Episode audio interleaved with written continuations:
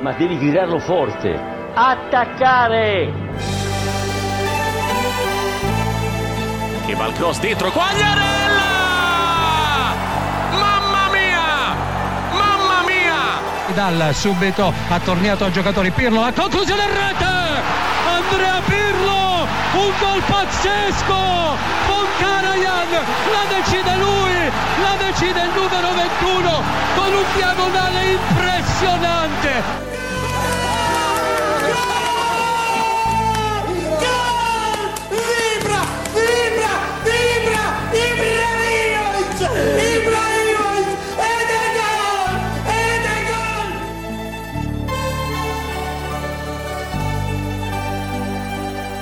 Is eh, dinsdag 5 januari. Dat betekent dat het eh, de eerste Lo Stadio van eh, dit jaar is.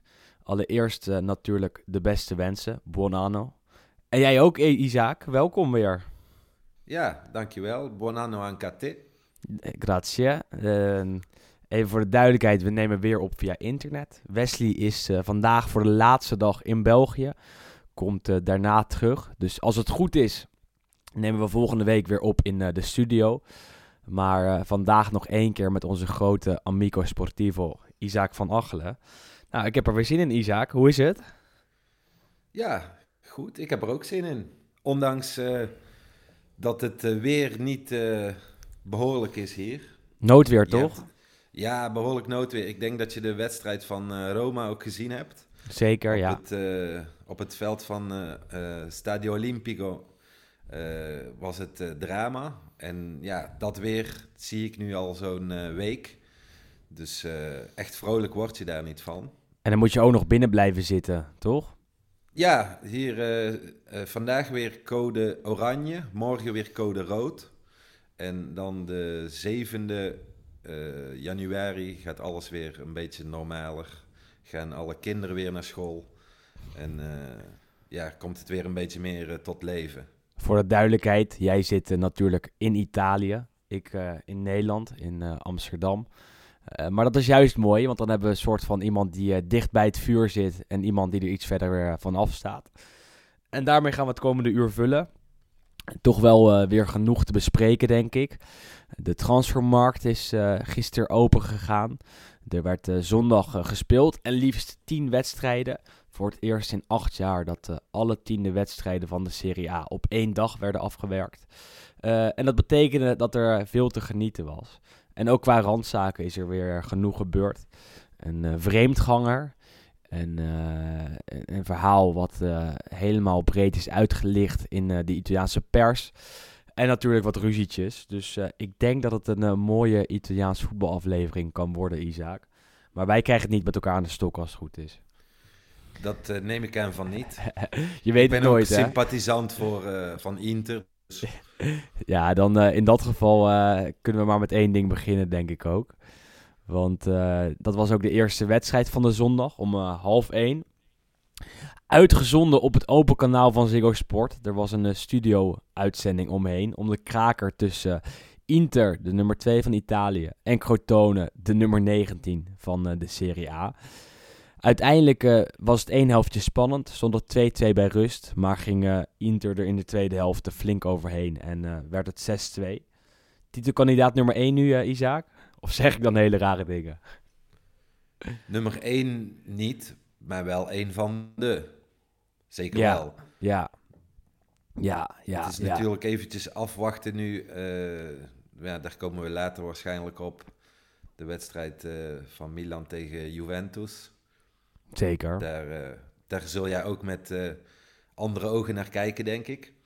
Maar eh, als Milan daar punten gaat pakken, dan blijven Milan en Inter sowieso wel over. Want ik zie bijvoorbeeld een Roma niet voor de titel spelen dit seizoen.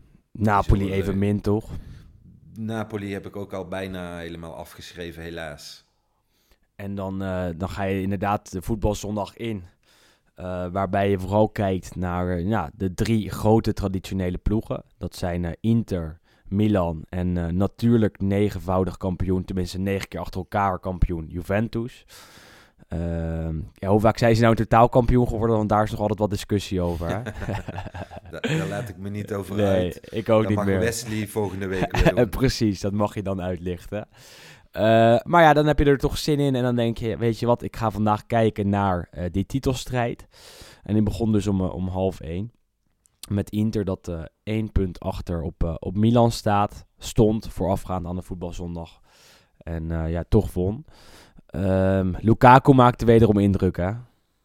Ja, als die een bal ingespeeld krijgt en het hele team door laat voetballen, zeg maar, ook echt nooit van de bal af. Dat is ongelooflijk hoe sterk die man is. En dan heeft hij ook nog eh, steekpaasjes in huis. En dan eh, met een eh, spits als Lautaro Martinez, ja, dan ben je zo ontzettend gevaarlijk. Zeker als je als Crotone zulke slechte centrale verdedigers opstelt. Luperto, Marone. Ja, die bakten er eigenlijk allebei niks van. Er was nog een derde van wie ik de naam eventjes kwijt ben. Want eh Crotone die eh, start in een eh 5-3-2 opstelling. En ja, dus ja, het is toch wel bizar dat ze dan toch wel weer twee keer kunnen scoren. Want, want dat elftal is niet goed. Er zitten een paar interessante namen in. Waarbij die van Junior Messias natuurlijk het meest in het oog springt. En die was ook wel Nee. gevaarlijk, hè? Hele, hele interessante eh, speler. Hij Ook qua ook naam. een beetje denken, moet ik zeggen, aan, eh aan Ilicic. Wil ik hem niet meteen te veel eer geven, Mhm. maar hij heeft toch een beetje dat, eh, dezelfde stijl. Dat, die goede linker. De mooie linker. En ja, dat is natuurlijk ook een, een fantastisch verhaal, hoe hij eigenlijk uiteindelijk profvoetballer is geworden. Ja, wat is dat verhaal dan? Oh, dat, eh, dat, eh, dat verhaal is eigenlijk... Hij is in, in Italië gekomen ehm, omdat zijn broer in Italië woonde. Hij is een, eh, een Braziliaan. En hij speelde in de jeugdopleiding van, ehm, moet ik het goed zeggen, ik geloof eh, Cruzeiro in, in Brazilië. Mhm. En ehm, ja, toen is hij eigenlijk met de droom om profvoetballer te worden in Italië terechtgekomen. Maar dat was niet zo makkelijk. En ehm, is hij eigenlijk een beetje op, op bijveldjes gaan, gaan voetballen met, met wat vrienden. En zo is hij toch eh, in de Eccellenza, in de Serie D, eh, terechtgekomen. Ehm, maar om dan die stap te maken als buitenlander, want dan hebben ze het hier over een extra comunitario, Mhm. dus eh, geen EU-speler, dan is het niet zo makkelijk om in de Lega Pro, in de Serie C of in de Serie B terecht te komen. Ehm, en dat is met omwegen uiteindelijk toch gelukt. Ligt dat aan een eh, minimumsalaris dan? Of, of een bepaalde eh, vergunningen die je moet hebben dan? Ja, vergunningen, eh, maar ook eh, dat je eh, als eh, club zijnde in de Serie B niet zomaar en in de Serie C niet zomaar een, eh, een extra comunitario eh, Ja. mag, eh, in, je, in je selectie mag hebben. Ehm, ja, zoals ik zei, met, met omwegen is dat, eh, is dat toch gelukt. Want toen hij in de, in de Serie D speelde, werkte hij als bezorger eh, van wasmachines en koelkasten. Ehm, en, en daar voetbalde hij bij. Uiteindelijk eh, zijn er een paar clubs geweest die toch iets in hem zagen. En hem een, een soort van, ja, over dat soort bedragen heb je het dan al vaak in de, in de Serie D. Zo'n 1500 euro eh, per maand. Wat gewoon een, een prima salaris is hier in, in, in Italië waar je van kunt leven. Dus Mhm. ook hij, zijn vrouw en kind, dat hij, eh, dat hij al had. Ehm, ja, is hij zo een beetje gaan, eh, gaan aanrommelen. En ja, zijn er verschillende scouts geweest die toch in hem zagen zitten. En zo is hij eh, uiteindelijk bij eh, Crotone terechtgekomen. En ja, eh, Eigenlijk toen, de sterspeler nu, toch? ja, ook al in de, in de Serie B deed hij het heel erg goed. En ja, dat trekt hij nu langzaamaan door in de, in de Serie A ook. Het is natuurlijk geen makkelijk elftal om in te spelen. Maar ja, hij krijgt, hij krijgt alle, alle vrijheid om zijn, om zijn kunsten te, te vertonen. Heeft er al Dus- vijf in liggen ook. En, en, en Ja, mag en eigenlijk staan een- waar hij wil. En nu weer een, eh, een prima assist. Zeker, ja. Dus maar hij is natuurlijk al, eh, al vrij op leeftijd, zeggen wij dan als Nederlanders. Maar hier in Italië is, is dat nog, ja, kan hij zeker nog wel vijf jaar door. Is 29 inderdaad. Dus, dus zou nog wel een kleine stap kunnen maken eventueel in de Serie A. Ja, naar een, naar een middenmotor, Ja. denk ik. Ja, exact, exact. En eh, eh, wat mooi was, want hij, hij leverde natuurlijk de assist bij het eerste doelpunt van eh Crotone, van Zanelato. Even later kreeg Crotone ook nog een penalty, nadat Arturo Vidal een overtreding maken, maakte. Komen we zo meteen nog even op. Golemic maakte die toen af. Wat inhoudt dat de laatste vier spelers die tegen Inter hebben gescoord, alle vier hun eerste doelpunt ooit in de Serie A maakten. Dus, nou ja, je kan zeggen dat ze bij Inter de jongelingen geen kans geven, maar eh, op deze manier doen ze dat dus wel. Eh, weliswaar bij de tegenstander, maar goed. Ehm, ja, en dan komen we toch bij de penalty uit. Want eh, Arturo Vidal die kreeg weer een keer een kans in de basis. Die krijgt hij heel vaak van Antonio Conte, de Inter-trainer. Vaker dan Christian Eriksen, die ja, de bank moet warm houden en gaat vertrekken. Maar ja, eh, Arturo Vidal werd eh, gehaald op eh, voorspraak van Conte. Dus ja, moet hij wel spelen om, ja, om die, die wil kracht bij te zetten. Maar ja, als hij dan speelt, dan maakt hij zoveel domme fouten. En dat deed hij tegen Cortone weer. Haalde een tegenstander neer in de 16, was te laat. En ja, de scheidsrechter gaf een terechte penalty. Ja, Conte woedend. die schreeuwde Ja, daarna. was ja, natuurlijk ja. ook niet...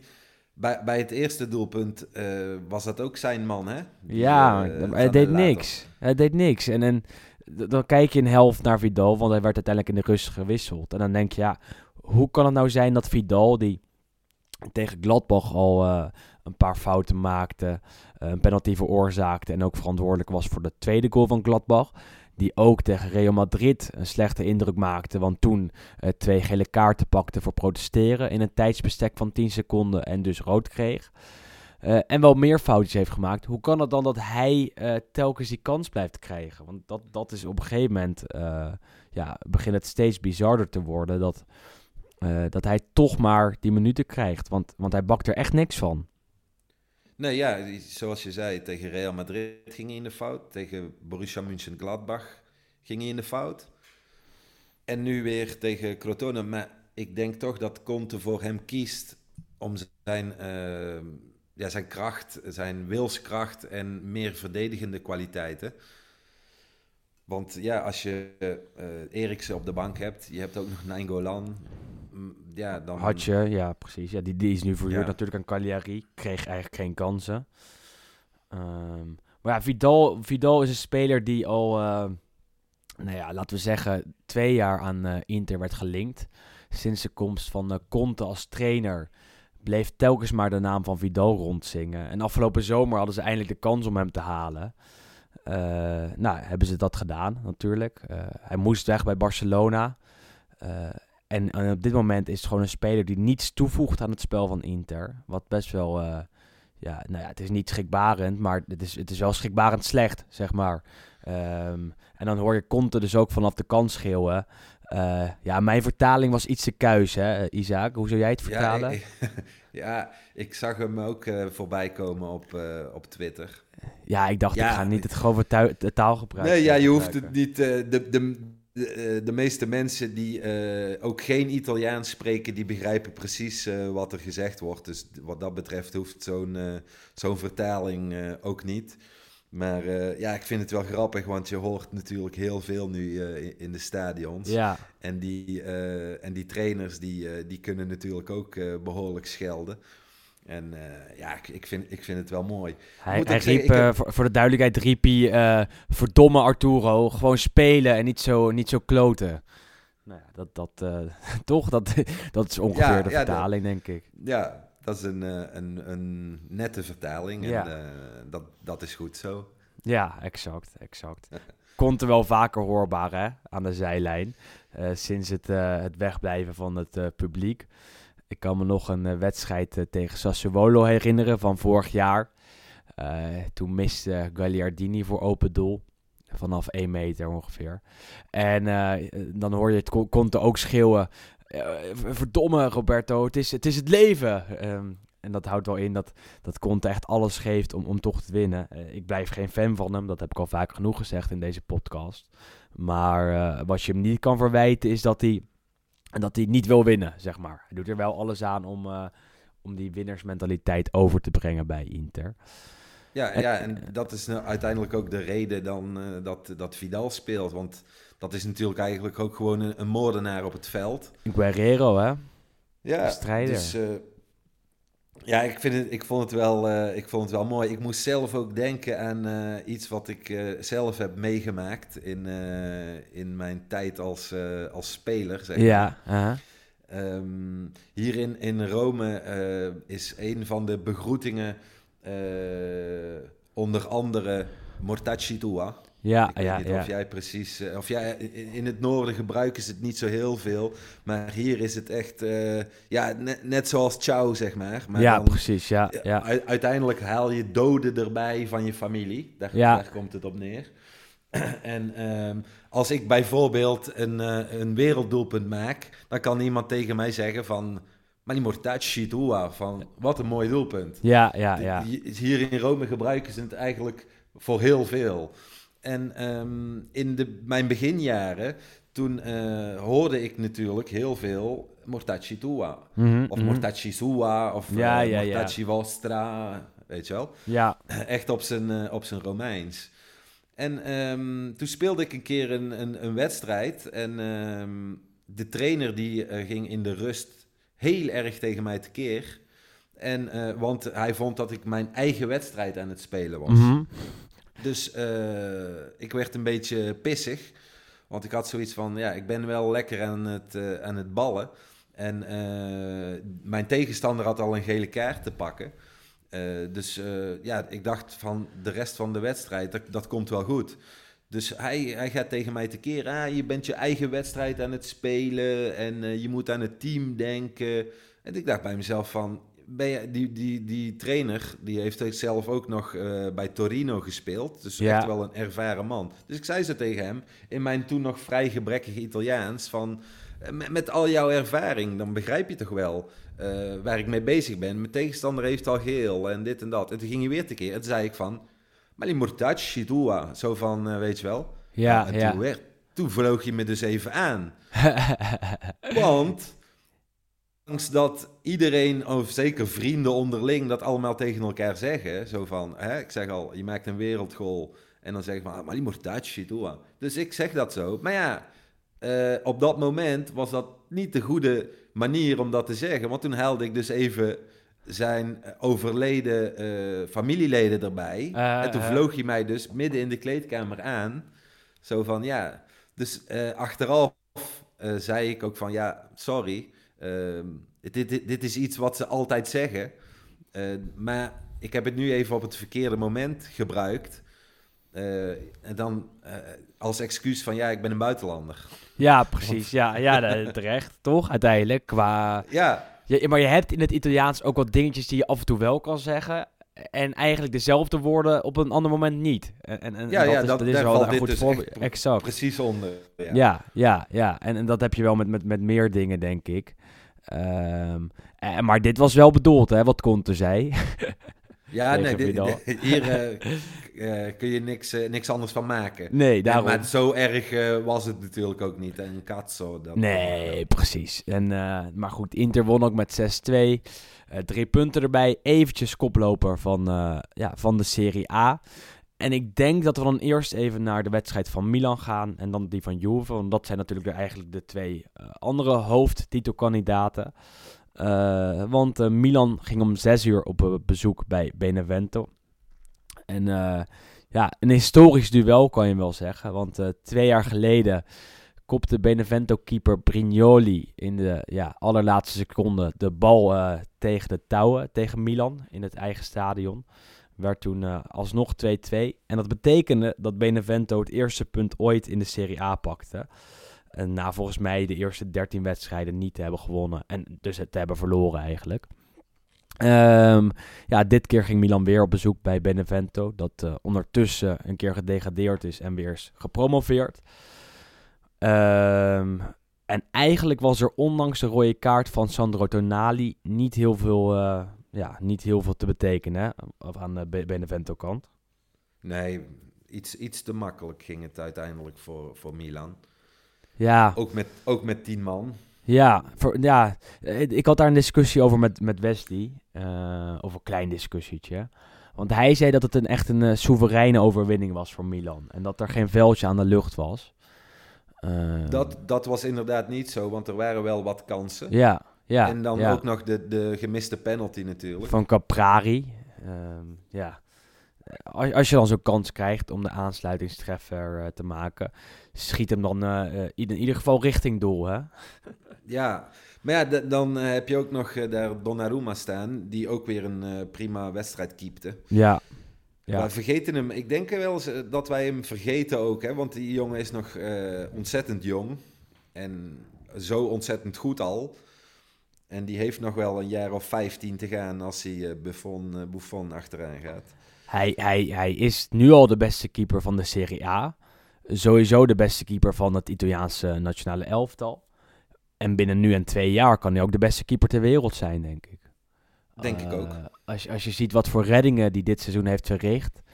Onder meer tegen Napoli kan ik me een paar eh, hele goede saves eh, herinneren. Maar ook afgelopen weekend weer. Kijk, tegen Benevento was het dan niet fantastisch wat hij deed. En ook niet, geen wereldreddingen. Maar hij staat er wel. En hij, eh, hij plukt die bal ook gewoon bij de penalty stip op en, en, dergelijke. Als hij hoog komt aanvliegen. En dat kan je van heel veel keepers in de Serie A niet meer zeggen. Ik noem bijvoorbeeld Handanovic bij Inter, waarop heel veel kritiek is de afgelopen tijd. Eh, als je dan eh, Donnarumma daarnaast zet, is Donnarumma echt een stuk beter. Inderdaad. Ja, en, eh, en, en dat is echt verbazingwekkend. Donnarumma pas 21, contract loopt af aankomende zomer. Zie jij hem wel bij Milan blijven? Ik zie hem wel bij Milan blijven, ja. Ik denk ook dat hij nu wel inziet dat er bij Milan toekomst is. Om eh, altijd voor de bovenste plaatsen mee te spelen. En eh, misschien eh, over een paar jaar ook in de Champions League iets te kunnen gaan halen. Ja, met, met, is die potentie er echt, nu al? Ik denk wel dat ze bij Milan de goede weg zijn ingeslagen, ja. Zeker als je kijkt wat voor jonge spelers ze hebben natuurlijk. Ja, en nu ook weer, hè, wat, wat je ook weer hoort en leest eh, op, de, op alle websites. Ze zijn nu toch weer aan het kijken naar wat, wat jongere spelers. In tegenstelling tot Inter. Ja, zeker. Dat, dat, is, Dus een, dan- eh, dat is een verschil in, in, in, in filosofie ook, hè, de afgelopen periode. Eh, als je Ja, en- elftallen naast elkaar legt. Ja, en dan eh, denk ik dat Maldini heel goed werk doet. En ja, ik heb gewoon heel veel vertrouwen in, in die filosofie en in eh, de jonge spelers die ze hebben. En waar ze naar aan het kijken zijn. Ja, en als je dus kijkt naar een basiselftal, eh, zijn er echt heel veel spelers die gewoon nog heel erg jong zijn. Hè? En dat vergeet je dus ook af en toe. Want Donnarumma, 21, wat, eh, ja, die kan nog 20 jaar mee. Niet eens bij wijze van spreken, maar, maar dat, dat daadwerkelijk, zeg maar. Theo Hernandez is eh, 23. Eh, moet ik even het lijstje erbij pakken hoor. Eh, maar je hebt een Kalulu die dit seizoen eh, een paar keer heeft gespeeld, is pas 20. Eh Hauge, 21. Ehm Cassie, 24. En, en ga zo maar door. Eh Benacer is pas 23 natuurlijk. Nou ja, dat is wel, wel een echt fundament voor de toekomst. Hebben we ook vaker gezegd dat er echt een geraamte staat waarmee Milan ja, door kan stoten naar de top. Ehm, heb je daar dan meer vertrouwen in dan in de filosofieën van, eh, van Juventus en, eh, en van Inter? Ah, Juventus, die, die kijkt nu... Oh, die hebben nu ook weer eh, die jongen van, van Genoa gehaald. Die nog eventjes mag, mag verder mag rijpen. Mhm. Rovella. Ja, hebben we vorige keer nog benoemd. Ja, ja, ik vond het ook wel grappig, want eh, ik had in de zomer eh, sprak ik toen met eh, Ludovico Ricci, Ja, ehm, ja. die, die met hem gespeeld had. En die noemde hem ook echt als van ja, deze jongen is echt ongelooflijk op het middenveld. En toen ik die naam ook elke keer voorbij zag komen, toen dacht ik van, maar dat is toch hij waar, waar hij het toen over had. En inderdaad, dat, dat klopt. Ik moest zelf wel eventjes weer gaan, gaan kijken, maar hij was het. Ja, ja, dat zijn allemaal eh, beloftevolle spelers. En als die dan nog eventjes eh, verder kunnen rijpen... en eh, dan over een jaar of twee jaar misschien gewoon kunnen instromen... ja, dan doe je prima werk als, als club zijnde. En ze winnen nu al. Dat is ook het belangrijkste. Milan eh 37 punten uit 15 duels.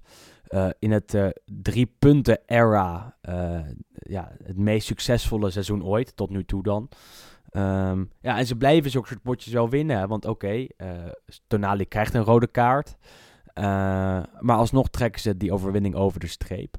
Eh, en dat blijft toch opvallend. Hetzelfde gebeurde tegen Lazio, namelijk weliswaar geen rode kaart. Maar Lazio kwam terug van 2-0 achter naar 2-2. Maar alsnog winnen ze. En alsnog kopt Theo Hernandez die bal in de laatste seconde binnen.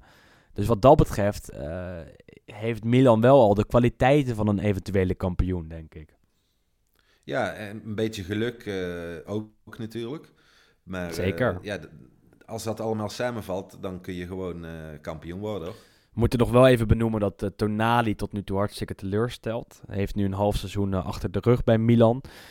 En echt nog niks laten zien. Dus eh die rode kaart was eigenlijk het dieptepunt tegen Benevento. Ik zeg niet dat het terecht, terecht was, maar ja, wel eh, tekenend voor zijn tijd tot nu toe bij Milan. Want eh, ja, hij is nog echt niet goed geweest. Ehm, en, en dat valt toch echt wel tegen, want, want hij is toch heel veel opgehemeld in de Italiaanse pers. Ehm, men had misschien zelfs verwacht dat hij nu al in de basis had kunnen staan bij Milan. Maar dat blijkt wel echt niet het geval, hè? Nee, ja, wat dat betreft, eh, heb je, dat had jij wel erg goed gezien. Want ik kan me nog goed herinneren dat jij zei... als hij nou misschien naar Inter zou gaan... dan is hij niet meteen klaar om in de basis te starten. En ehm, dat gevoel hadden ze dus niet bij, eh, bij Milan. Ehm, want iedereen had het er toch wel over dat hij meteen in de basis zou, eh, zou gaan eh, starten. En dat is dus ook niet helemaal het geval. Ehm, Ja, weet je wat het is? Bij, bij Brescia was hij ook niet fantastisch in de Serie A. toen was hij ook niet de, de, by far de beste speler van Brescia. En dat, dat zal er ook aan liggen dat Brescia natuurlijk degradatiekandidaat was. Uiteindelijk is eh, gedegradeerd. Maar hij was daar niet, niet, eh, eh, niet, niet fantastisch. Snap je? Niet dat hij, dat hij zo erg uitblonk, vond ik. Ehm, en die lijn trekt hij nu een beetje door bij Milan waar die meer één van de spelers is dan het toekomstige talent. En tot nu toe komt het er niet uit. Ik zeg niet dat het, niet, dat het er niet uit kan gaan komen de komende tijd. Maar eh, op dit moment eh, zou ik, als ik eh, Pioli was, ja, 100% de voorkeur blijven geven aan andere spelers. Ja, dat je, je hebt dan toch te maken met die continuïteit, die dat toch moeilijk blijkt te zijn in de, in de Serie A. Een, een andere speler waar ik dat heel erg bij zie, waar ik eh, aan denk eh, tijdens deze speelronde, is eh Zielinski. ja, De ene wedstrijd, zoals tegen Cagliari, is het goed. En dan zie je hem weer drie, vier wedstrijden veel minder. ja, ja. Dat, en, en- dat, dat kan toch iets zijn van, van de Serie A, dat, dat toch moeilijk is om die, die continuïteit zeker. te, ja. te hebben. Ja, ja. Nou ja, dan hebben we Milan gehad. Waar Leao trouwens ook fantastisch is af- de afgelopen weken. Scoorde met een prachtige stift. Eh, en gaan we door naar Juve. Eh, want bij Juve eh, draait het dit seizoen niet zo fantastisch.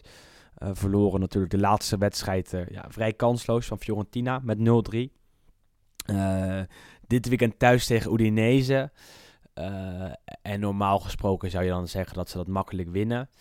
Eh, de uitslag doet vermoeden dat dat ook gebeurde, want dat werd 4-1.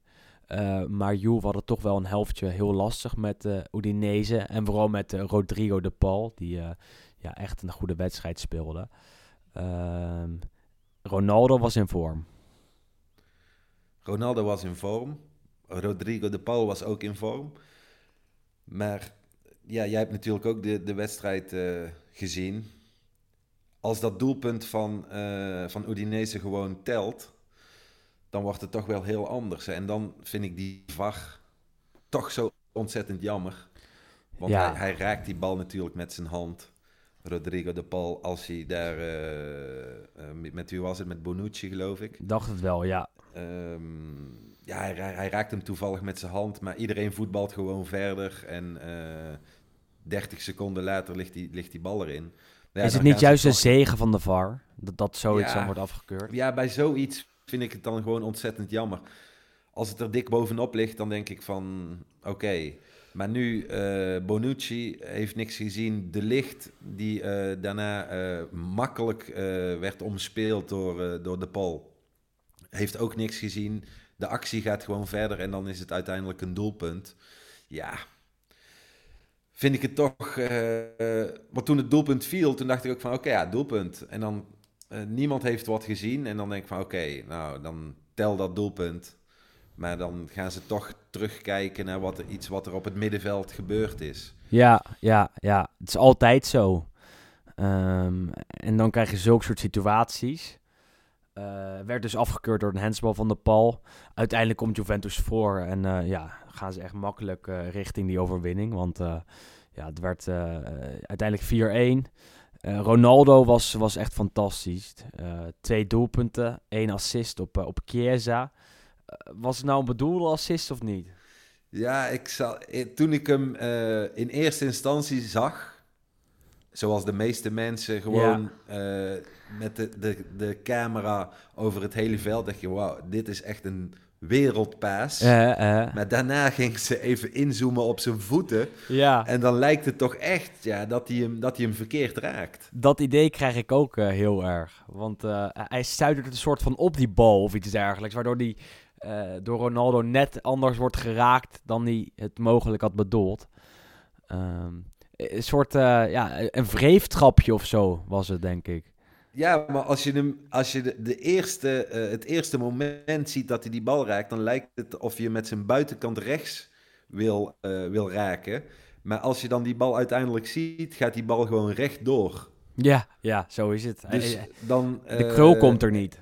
Nee, dus dan lijkt het, of dan, ja, dan blijkt het dat hij hem verkeerd heeft geraakt, denk ik. Ja, ja, ja, ja. Nee, maar zeker. ja, uiteindelijk is het gewoon een wereldpaas. Zeker, zo is het. Of het nou bedoeld was of niet. En eh Chiesa maakt het mooi af. Eh, iemand die ook scoorde was eh, Paulo Dybala. Eh, tot nu toe een eh, teleurstellend seizoen achter de rug. Ehm, ook wat problemen met Juventus, want eh, zijn contract loopt eh, volgend jaar af. Eh, en hij wil een nieuw contract. Eh, alleen hij wil eh, eigenlijk de op één na best betaalde speler van de Serie A eh, worden. Als hij dat dan niet, is hij dat, dat niet al trouwens? Misschien is hij dat al, maar hij wil in ieder geval nog meer gaan verdienen. Eh, en Juve die denkt, ja, eh, Dybala heeft eigenlijk de afgelopen tijd niet zoveel laten zien. Eh, we geven je wel een nieuw contract, maar, maar niet voor 15 miljoen euro netto per jaar. Wat zou jij doen als je Juve was? Ik zou die bellen altijd binnenboord houden. Wel, ja. Ik ben wel echt een, een groot fan van, van Dybala. Maar ehm, ja, hij zit nu natuurlijk ook met, eh, met Morata. Hè? Die, Ja. eh, die doet het ook gewoon eh, heel goed. Ja, ja. Dus ehm, ja, nu voor de volgende wedstrijd zal Morata er nog niet bij zijn. En dan krijgt Dybala weer zijn kans.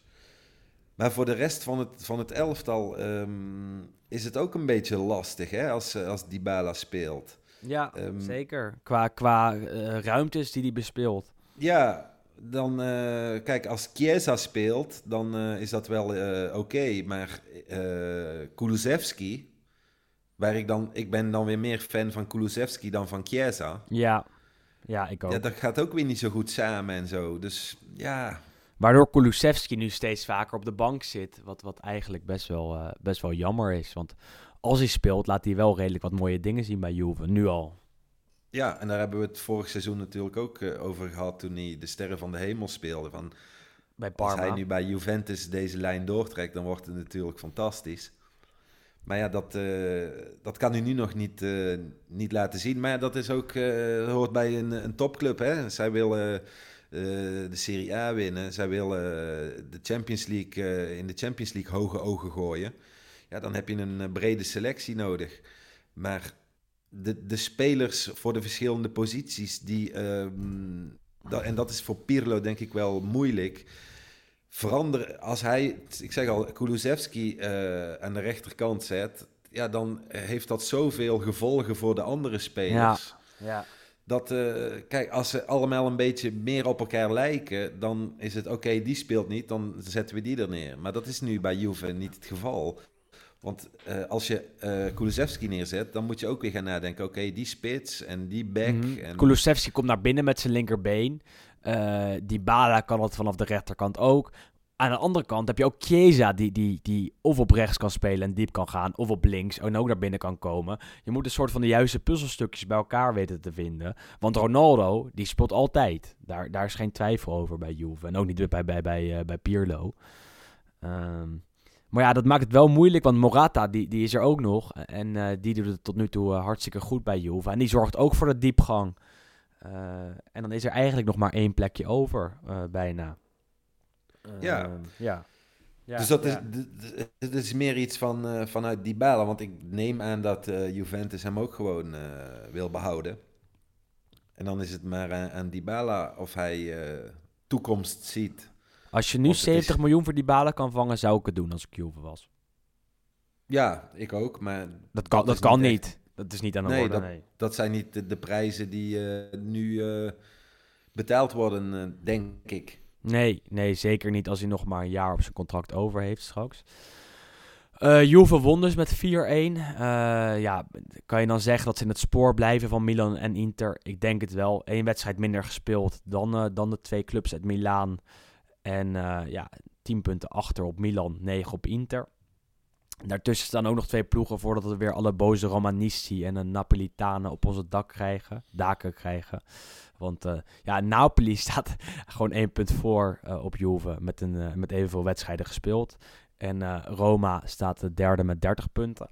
En die twee ploegen kwamen op zondagmiddag in actie om drie uur. Dan beginnen we denk ik even bij, bij Cagliari-Napoli. Eh, even kort hoor, eh, want eh, dat was een vrij soevereine overwinning voor Napoli. Is het dan knap dat ze zo makkelijk winnen bij Cagliari? Ja, vind ik ja, wel. toch? Ja. Ja. ja. Zeker, zeker knap. Ehm Cagliari, hele behoorlijke ploeg. Ik moet wel zeggen dat ik... ehm, ik was de vorige keer natuurlijk ook al, even kijken, een week of twee, drie geleden. En dan zeg ik, oh, die Lico Giannis, eh, leuke speler. Ja, En dan, ja, ja, eh, ja, ja, Twee weken Dan later mag, ik, mag ik hier weer eh, zitten. En dan, eh huppakee, rode kaart. Weet je wel, slechte wedstrijd. Ja, Dat is ja wel, zo is dat- het. Daar moet ik, daar moet ik ook rekening mee gaan houden. Je moet, moet Nu weet je een keer hoe het voelt. zeg. Ja. Nu weet je hoe het voelt, want ik word elke keer afgekraakt op dingen die ik zeg. Ik zit hier praktisch elke week.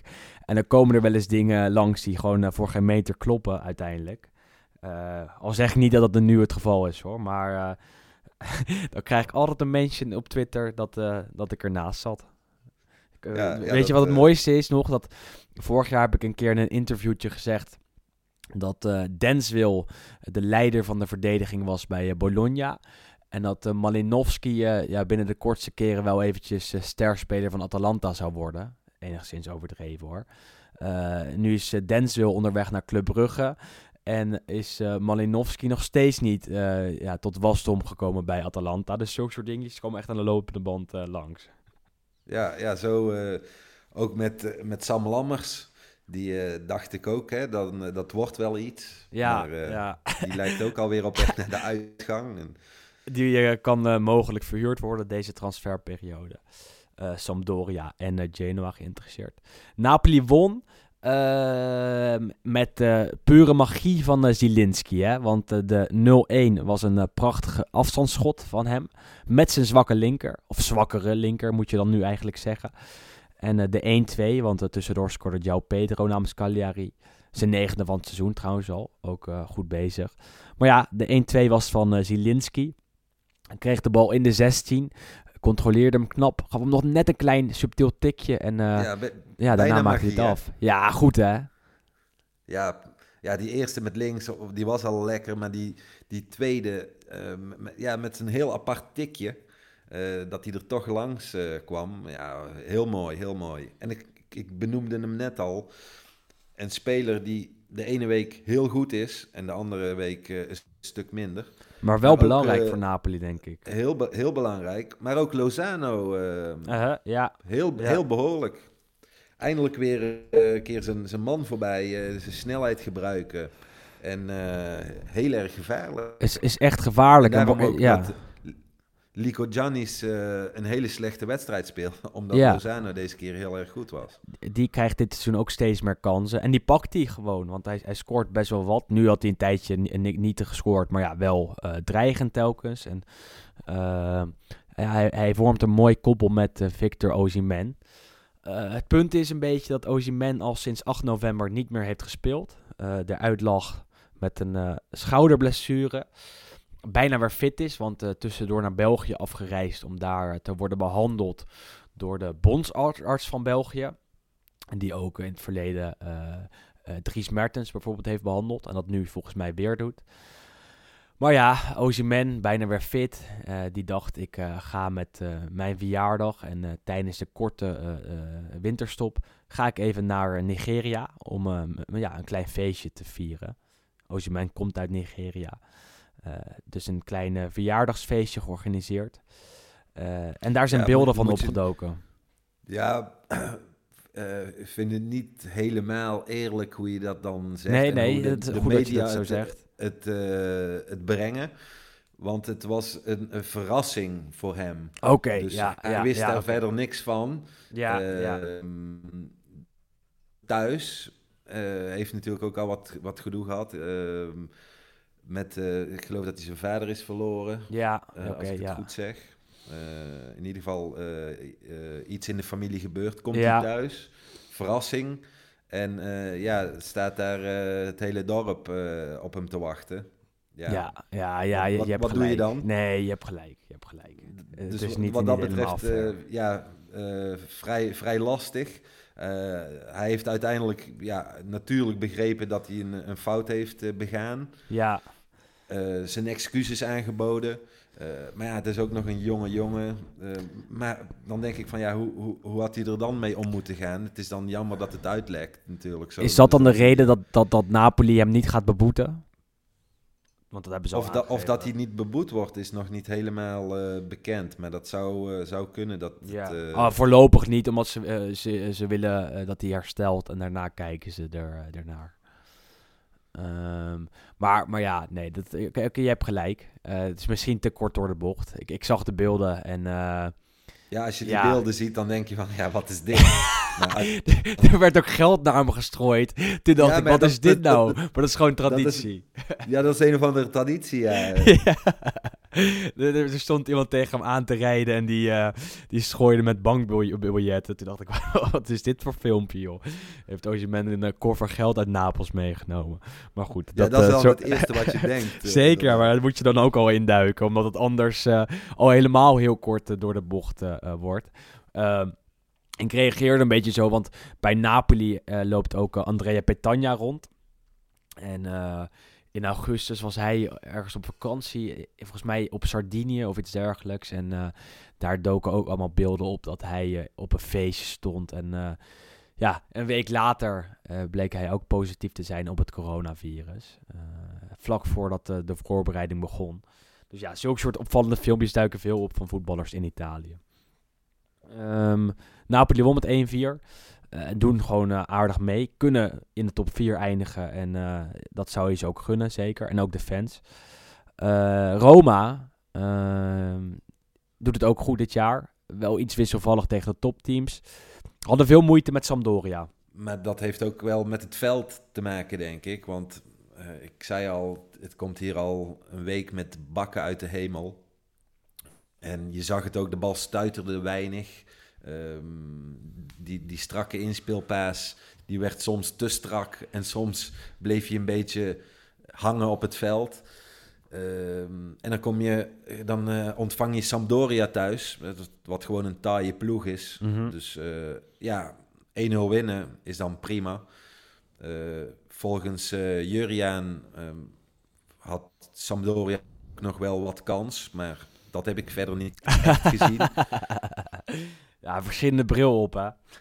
Ja, ehm, en eh, ik, eh, Karsdorp, zullen we het daar weer even over ja, hebben? Karsdorp. 100%. Ik, ik zag hem, ja, iedereen heeft het nu natuurlijk over die assist. Prima assist. Maar eh, ik zag ook, ehm, volgens mij was het vrij ver al in de, in de tweede helft, zag ik er even, zag ik hem even iemand eruit lopen of hij er niet stond. Dat ik dacht van, dit Als is van. Karsdorp. Als van ouds, die, eh, zoals we hem bij Feyenoord eh, kennen, kenden. Heel goed weer. Eh, en ik las ook dat hetgeen hem, wat hem uiteindelijk over de streep had getrokken om bij, bij Roma te blijven, was Ja. een gesprek met Zeko en Pellegrini. Ja, die hadden gezegd van, als je hier blijft dan, dan, en je gaat voor je kans, dan zul je uiteindelijk wel gaan spelen. Dus toen eh, heeft hij eigenlijk besloten van, ik ga niet naar, niet naar Atalanta, niet naar Genoa, waar toen sprake van, eh, van was. Uh-huh, uh-huh, Maar ik ga voor mijn kans eh, bij Roma. Dat vond ik ook wel grappig om te lezen. Zeker, maar en, en, en een goede keuze gemaakt. Want hij speelt elke week, is absoluut de eerste rechtshalf van Roma. En die assist, ja, als we hem toch, toch even noemen, was fantastisch op, op zeker Zeko. Ja, en de vierde al hè, dit seizoen. Dus Ja, dat is echt keurig. Dan komt het uiteindelijk Ja, al, op acht uit of iets dergelijks.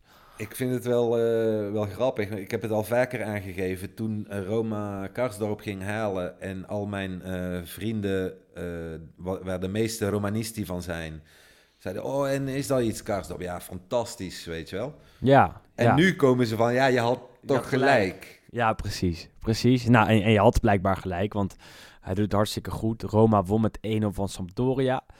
Eh, en eh, staan derde, dus eh, dat gaat ook daar de goede kant op. Heb je toch wel nu vijf ja, ploegen die het fantastisch doen, of goed doen. Fantastisch is ja, een beetje een superlatief. Dat je wel kan gebruiken op het spel van Atalanta van afgelopen zondag. Want die speelde tegen Sassuolo. Eh, en dat is normaaliter een, eh, ja, een lastige wedstrijd. Sassuolo, eh ja, het seizoen goed begonnen afgelopen week. Een beetje in een dipje, maar ja, dan nog hebben ze een aantal hele interessante spelers. Maar Atalanta walste er overheen. En dat werd uiteindelijk 5-1. Eh, twee doelpunten van uh, Duvan Zapata, die ja, toch weer goed in vorm lijkt te komen. Robin Goossens maakte er ook eentje. Muriel viel in. Nou ja, scoorde ook weer. Want eh, dat doet hij eigenlijk altijd als hij invalt. En eh, een speler die ik daar eigenlijk wil uitlichten, eh, Isaac, is Pessina. Want hij is de vervanger van Papo Gomez. Speelt eigenlijk sinds dat Gomez is vervangen alles. En maakte zijn eerste doelpunt voor Atalanta. Verdient hij een oproep voor het nationale elftal? Of nog een oproep, want hij zat er al een keer bij. Ja, misschien een beetje te vroeg, maar hij vult die, die rol van Gomez heel goed op een andere manier natuurlijk. Eh, want het is gewoon een ander soort speler. Een, speler met veel meer loopvermogen. Ehm, maar dat is voor het elftal misschien niet zo onaardig. Want ik heb het idee dat het elftal zo veel meer in balans is. Ja, ja, ja, ja, ja. Het, het draait weer echt. Hè? Terwijl ze aan het begin van dit seizoen eh, toch weer wat meer moeite leken te hebben met alles. Met de, de automatismen. Eh, en nu stonden ze na 67 minuten weer met 5-0 voor. Eh, en was de, de, de doelpuntenmachine weer geolied. Ja, als Goossens ook met rechts gaat scoren. Ja, Mo- Muriel die valt er weer in en die maakt er, je zou bijna zeggen, natuurlijk weer één. Want dat was ook alweer de achtste in twaalf wedstrijden. echt keurig. En dat bijna alleen maar als, als invaller. Ja, dan, eh, ik vond het wel jammer, moet ik zeggen. Want eh, vooraf was dat toch wel misschien eh, de leukste wedstrijd. Ja, Op papier. Hè, ehm, twee aanvallende trainers. Wij, wij hebben de Zerbi natuurlijk vaak ook ja, uitgelicht. aha. Vanwege zijn manier van werken, vanwege zijn voetbal. dat hij zijn elftal laat spelen. ja, Dan, dan vond ik het toch wel jammer dat het zo makkelijk eh, ging eh, voor, voor Atalanta. Alhoewel, het eerste kan eh, was natuurlijk voor, eh voor Sassuolo met jouw vriend, die, die rechtsback, die Turkse jongen, weet die Mert Mulder. Ja, Maar ja, daarna ging het zo soepeltjes. En dan hier las je dus ook dat misschien wel de fout was van, van de Zerbi. Ehm, in eerste instantie al met, met de opstelling. ehm, dat hij toch alles weer vanuit, vanaf achteren af wilde opbouwen. En dat met die hoge druk van, eh, van Atalanta. eh, dat je dan eigenlijk een beetje jezelf in de vingers snijdt. Eh, en daarnaast wisselde die niet op tijd, volgens vele kenners hier. Ja, Dit soort potjes zijn toch de reden dat hij. Eh, eh, dat zijn naam altijd wordt genoemd bij de topteams, maar dat hij daar misschien nog niet klaar voor is. Want eh, hij maakt toch telkens een beetje dezelfde foutjes. En ik kan me het duel met Atalanta van vorig seizoen herinneren. En, en, en toen was het eigenlijk min of meer hetzelfde. Ik weet niet uit mijn hoofd hoe het toen eindigde. Maar ik weet wel dat Atalanta er toen echt ook overheen stoomde. En kans na kans na kans kreeg. Ehm, en uiteindelijk dik won. Dat was dit keer weer het geval. Dus als je dan kijkt naar zo'n duel, dan, dan zou je toch hopen dat dat Zerbi zichzelf ook verbetert. En eh, eh, toch ook zijn team in staat moet maken om iets verdedigender te spelen. En, en dat lukte niet tegen Atalanta. Eh, waardoor ze dan echt worden weggespeeld. Als die machine weer een beetje op stoom is. Inderdaad, we- ja, eigenlijk is het gewoon weggespeeld. Gaat Atalanta nog in de top eh, 4 eindigen?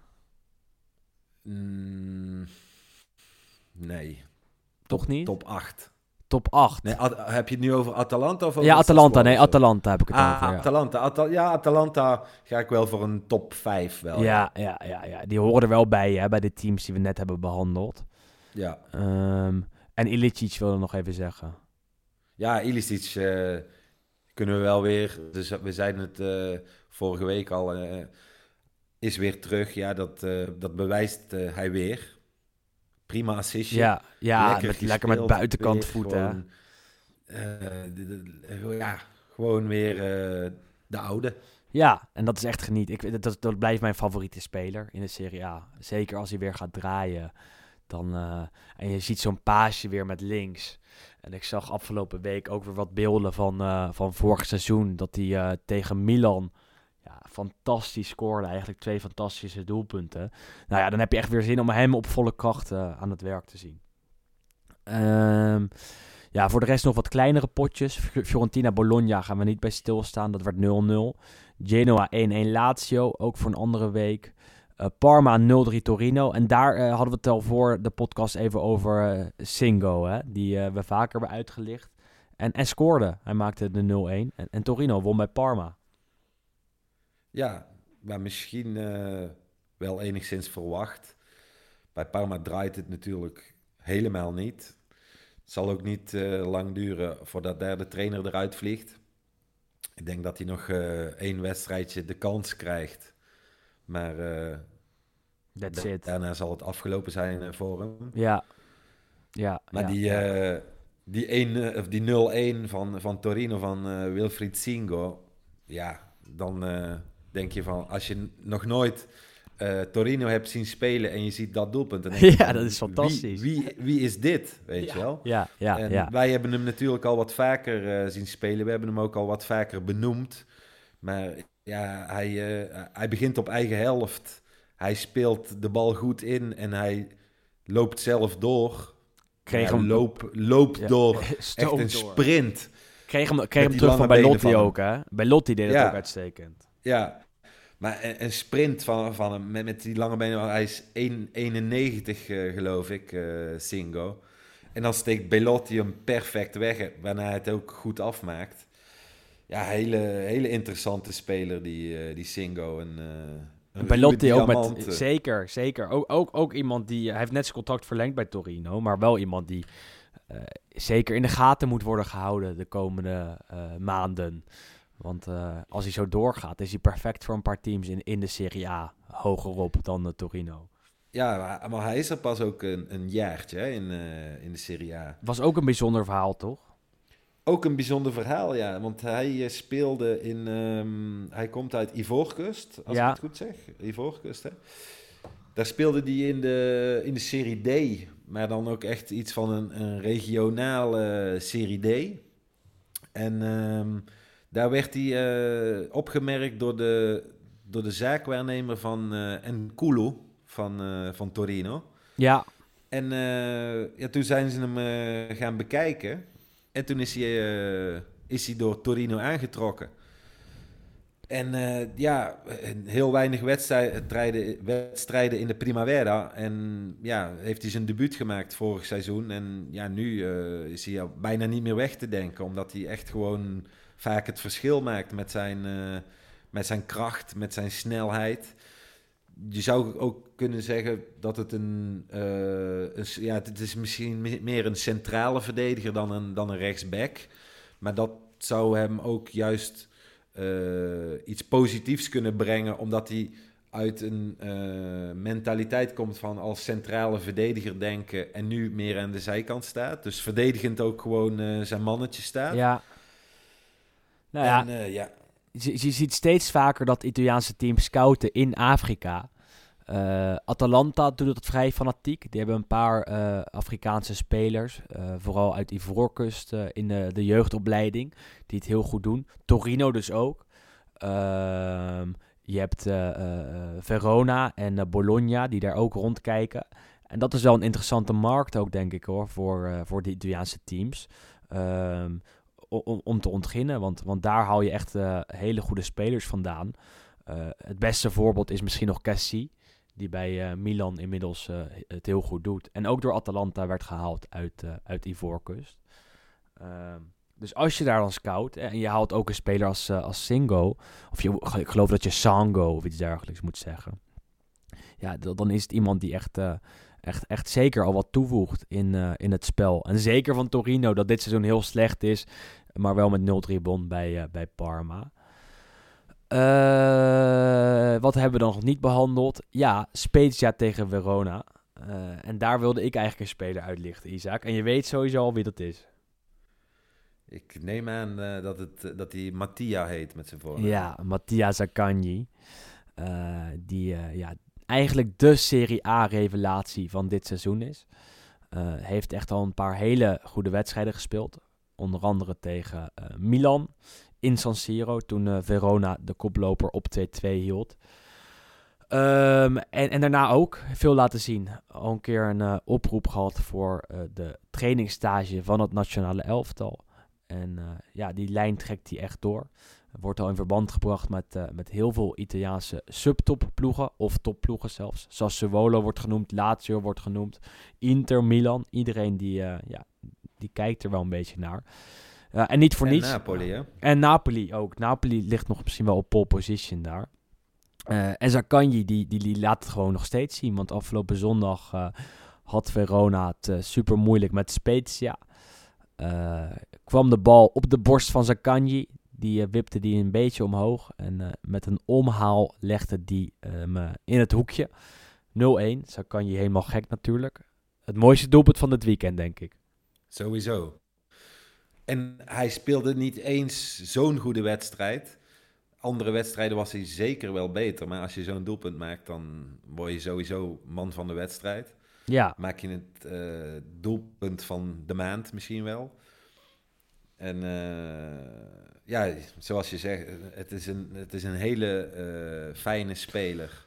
waar zie jij hem? Die- nou, ik zou, ik, bij, bij, na, bij bijvoorbeeld Napoli eh, zou ik hem eh, wel zien. Maar, maar ook wel bij ehm, Roma zou ik hem ook wel zien. En Ja. Het lijkt erop dat ze daar ook eh, interesse in hem hebben. En die hebben natuurlijk ook al Kumbula gehaald. eh, begin van het seizoen. Van, Ook van eh, Verona.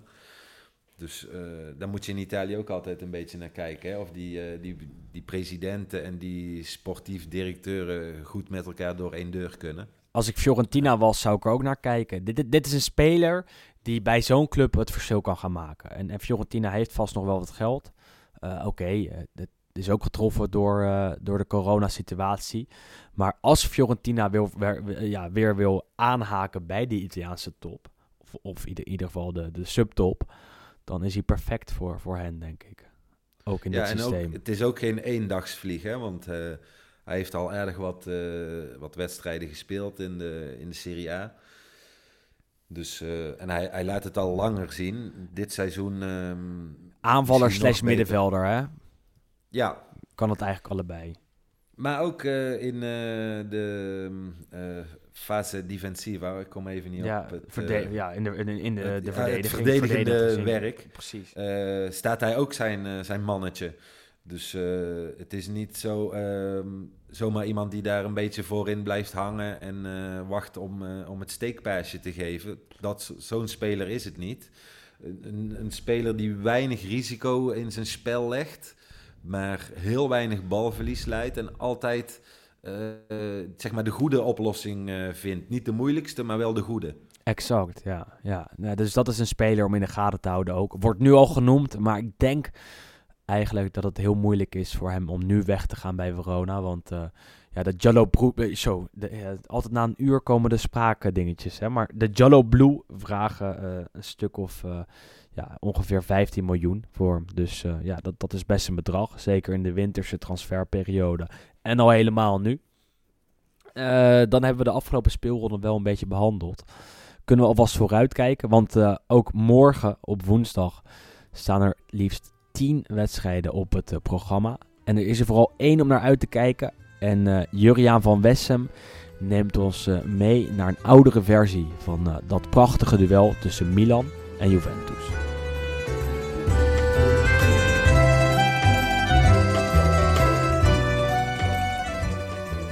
Woensdag is het exact 22 jaar geleden dat AC Milan-Juventus het toetje was op de dag van Befana. Zo'n midweekse speelronde als pakjesavond.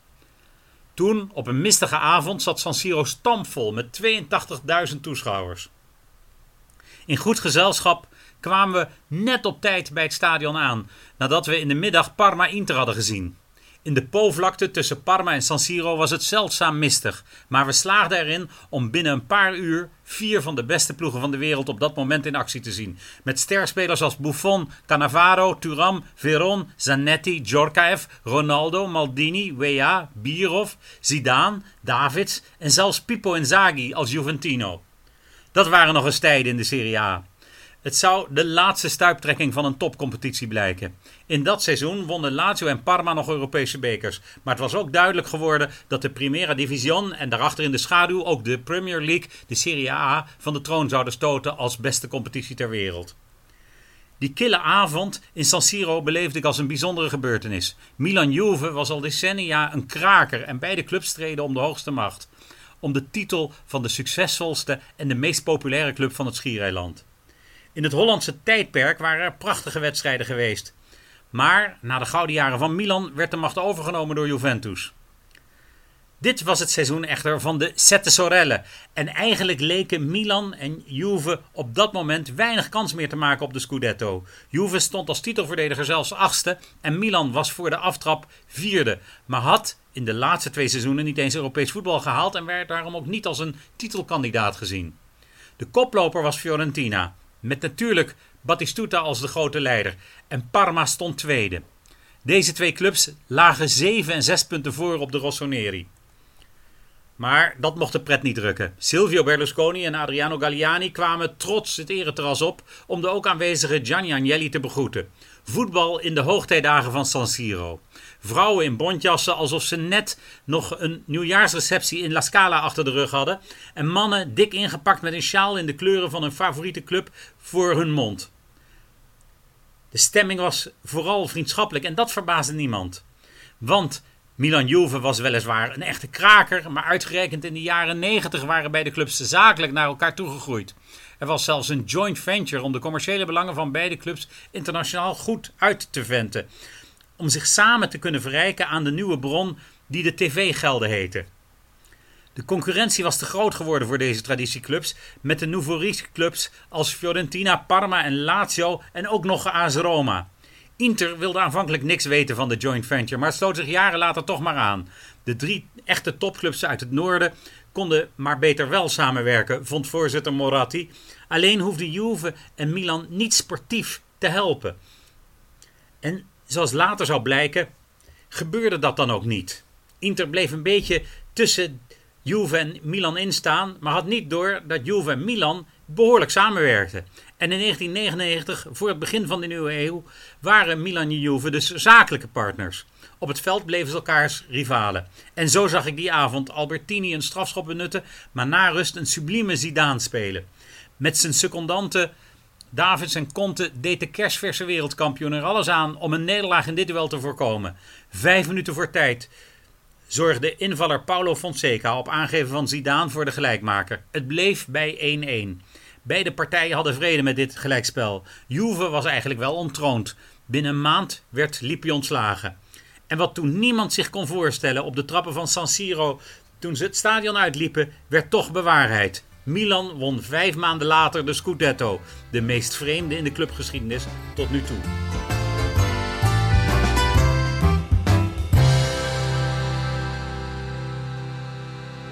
Destijds al eh, veel prestige op het spel bij eh, de wedstrijd tussen Milan en Juve. Eh, morgenavond wordt hij om kwart voor negen afgewerkt in helaas een lege San Siro. Desalniettemin een, een duel om naar uit te kijken, toch Isaac? Ja, we hadden het er net al een klein beetje over. Het zou zomaar een hele belangrijke wedstrijd voor dit seizoen in de Serie A kunnen worden. Omdat eh, het de laatste kans voor Juve is? Of is het niet de laatste Eh, kans? ja, het, het- ja, het gat wo- eh, wordt dan natuurlijk eh, behoorlijk groot. We zitten nu op 10 punten. Dan, als Ja, Milan dan gaat winnen. Juventus heeft nog die wedstrijd tegen Napoli te goed. Maar dat is ook niet zomaar even drie punten natuurlijk. Nee, nee. Maar Je bent geneigd om die er direct bij te rekenen, terwijl dat, dat echt niet zo hoeft te zijn natuurlijk.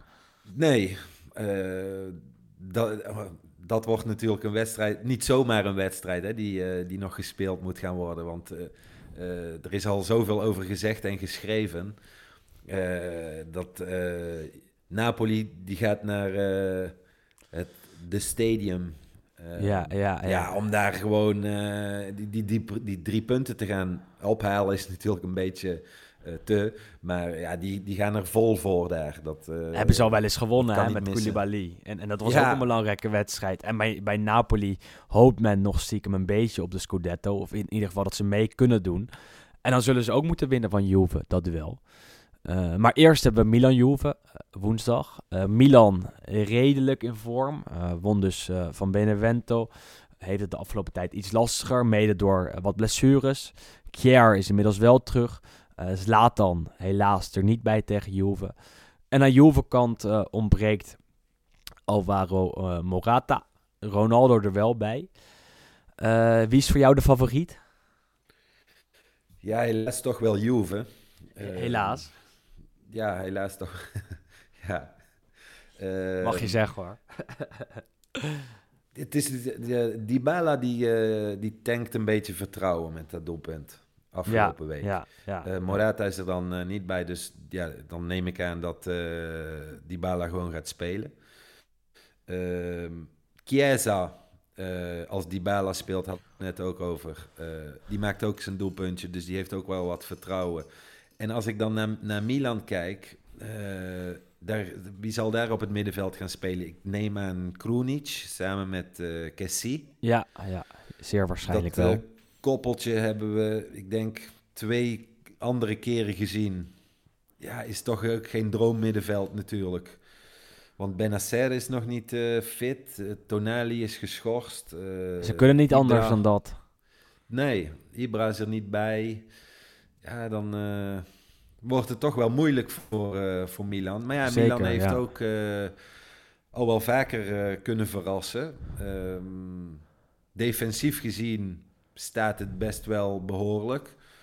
Dus eh, ja, het, ik zou het wel een verrassing vinden als, eh, als Milan eh, gaat winnen. Ze zijn er wel toe in staat, want dat, dat het- zie- ja. ze echt zien. Al het hele Maar jaar. het kan wel. Ja, ja. En echt iets om naar uit te kijken. Want ja, toch een duel met veel allure. Milan en Juve hebben niet echt een hekel aan elkaar. Er is geen gigantische rivaliteit. Ehm, ja, toch vrij vriendschappelijk met elkaar door het leven gegaan de afgelopen 30 jaar. Eh, Champions League finale gespeeld natuurlijk in, eh, in 2002.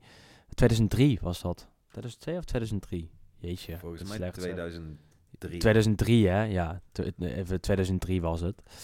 Ehm, en en eh, Berlusconi en eh, Agnelli, of de familie Agnelli, eh, gingen altijd goed met elkaar om. Dus daar is echt door de jaren heen geen gigantische rivaliteit eh, opgebouwd. In tegenstelling tot eh, bij beide ploegen met Inter.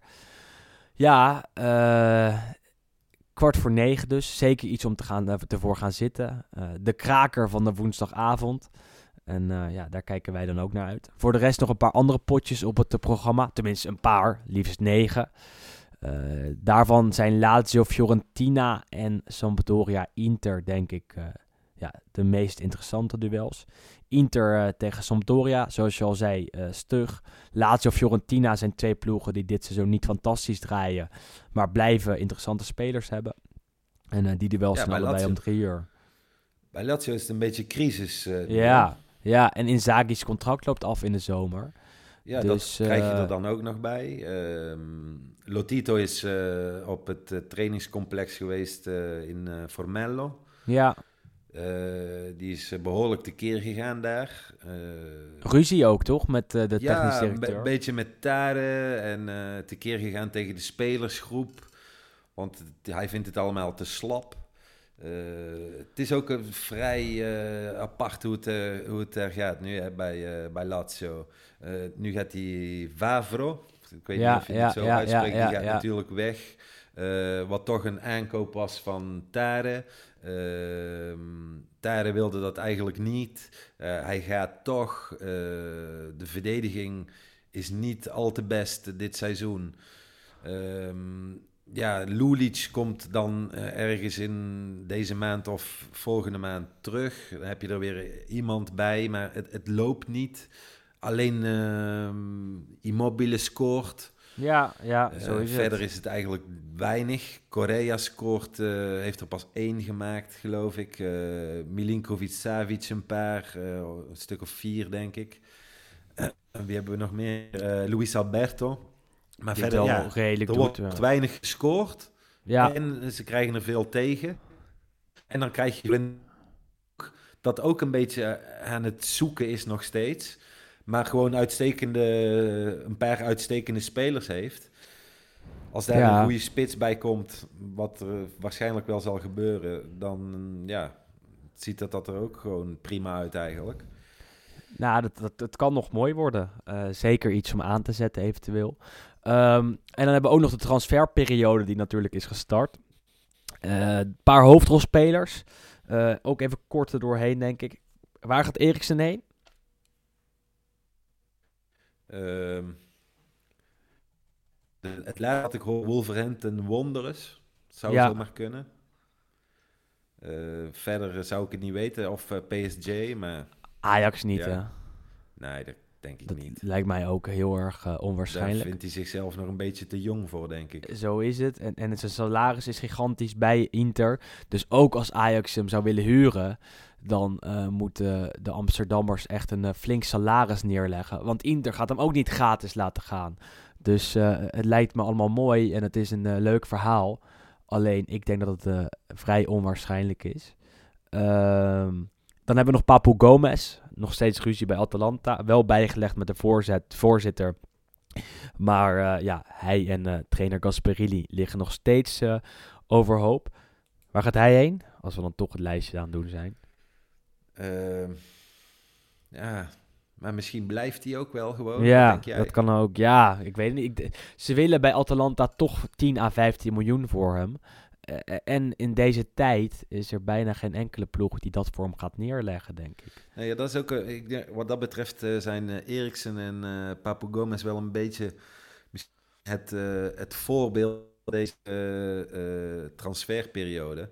Ja, ze noemen het hier dus de mercato di riparazione, vind ik wel mooi verwoord. En eh, het is natuurlijk ook moeilijk om in de winter iets te gaan repareren.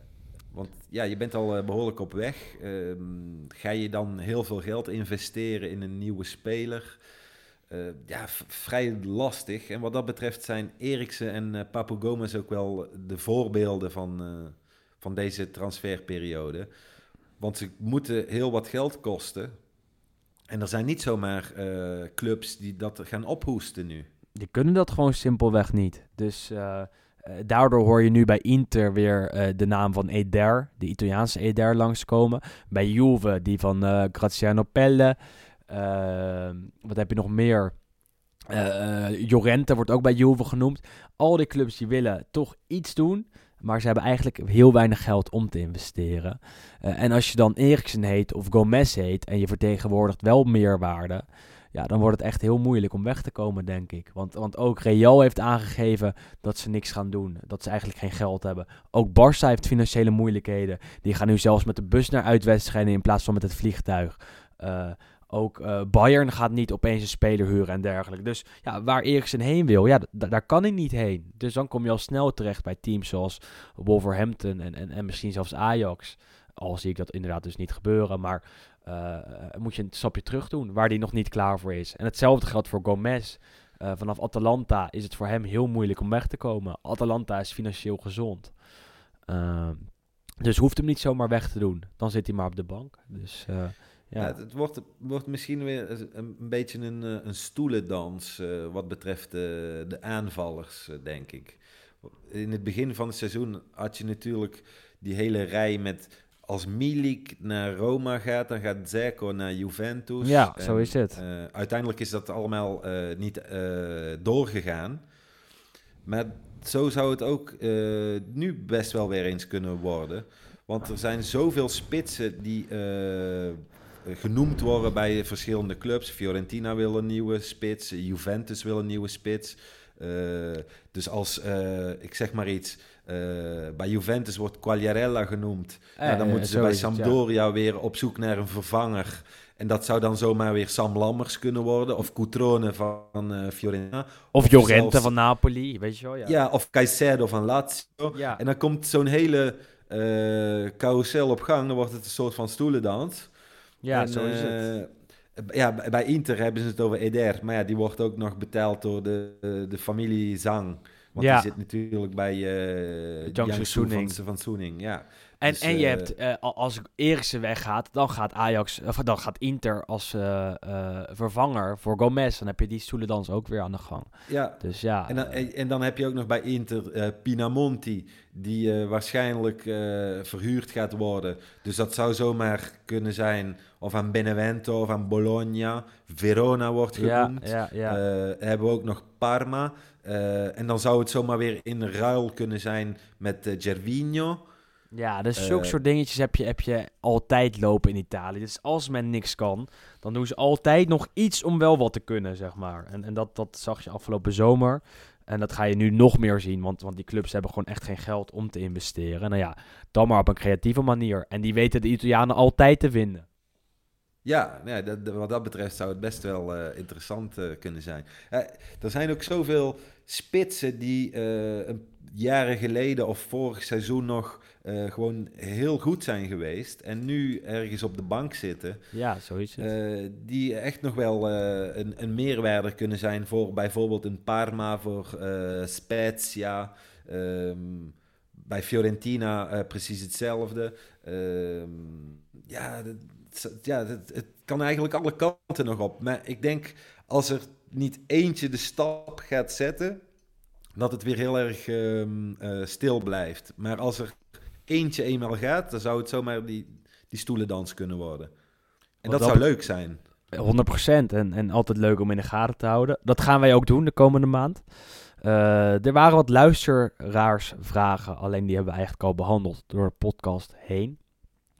Dan volgen nu de dienstmededelingen. Allereerst natuurlijk eh, bedankt voor het luisteren.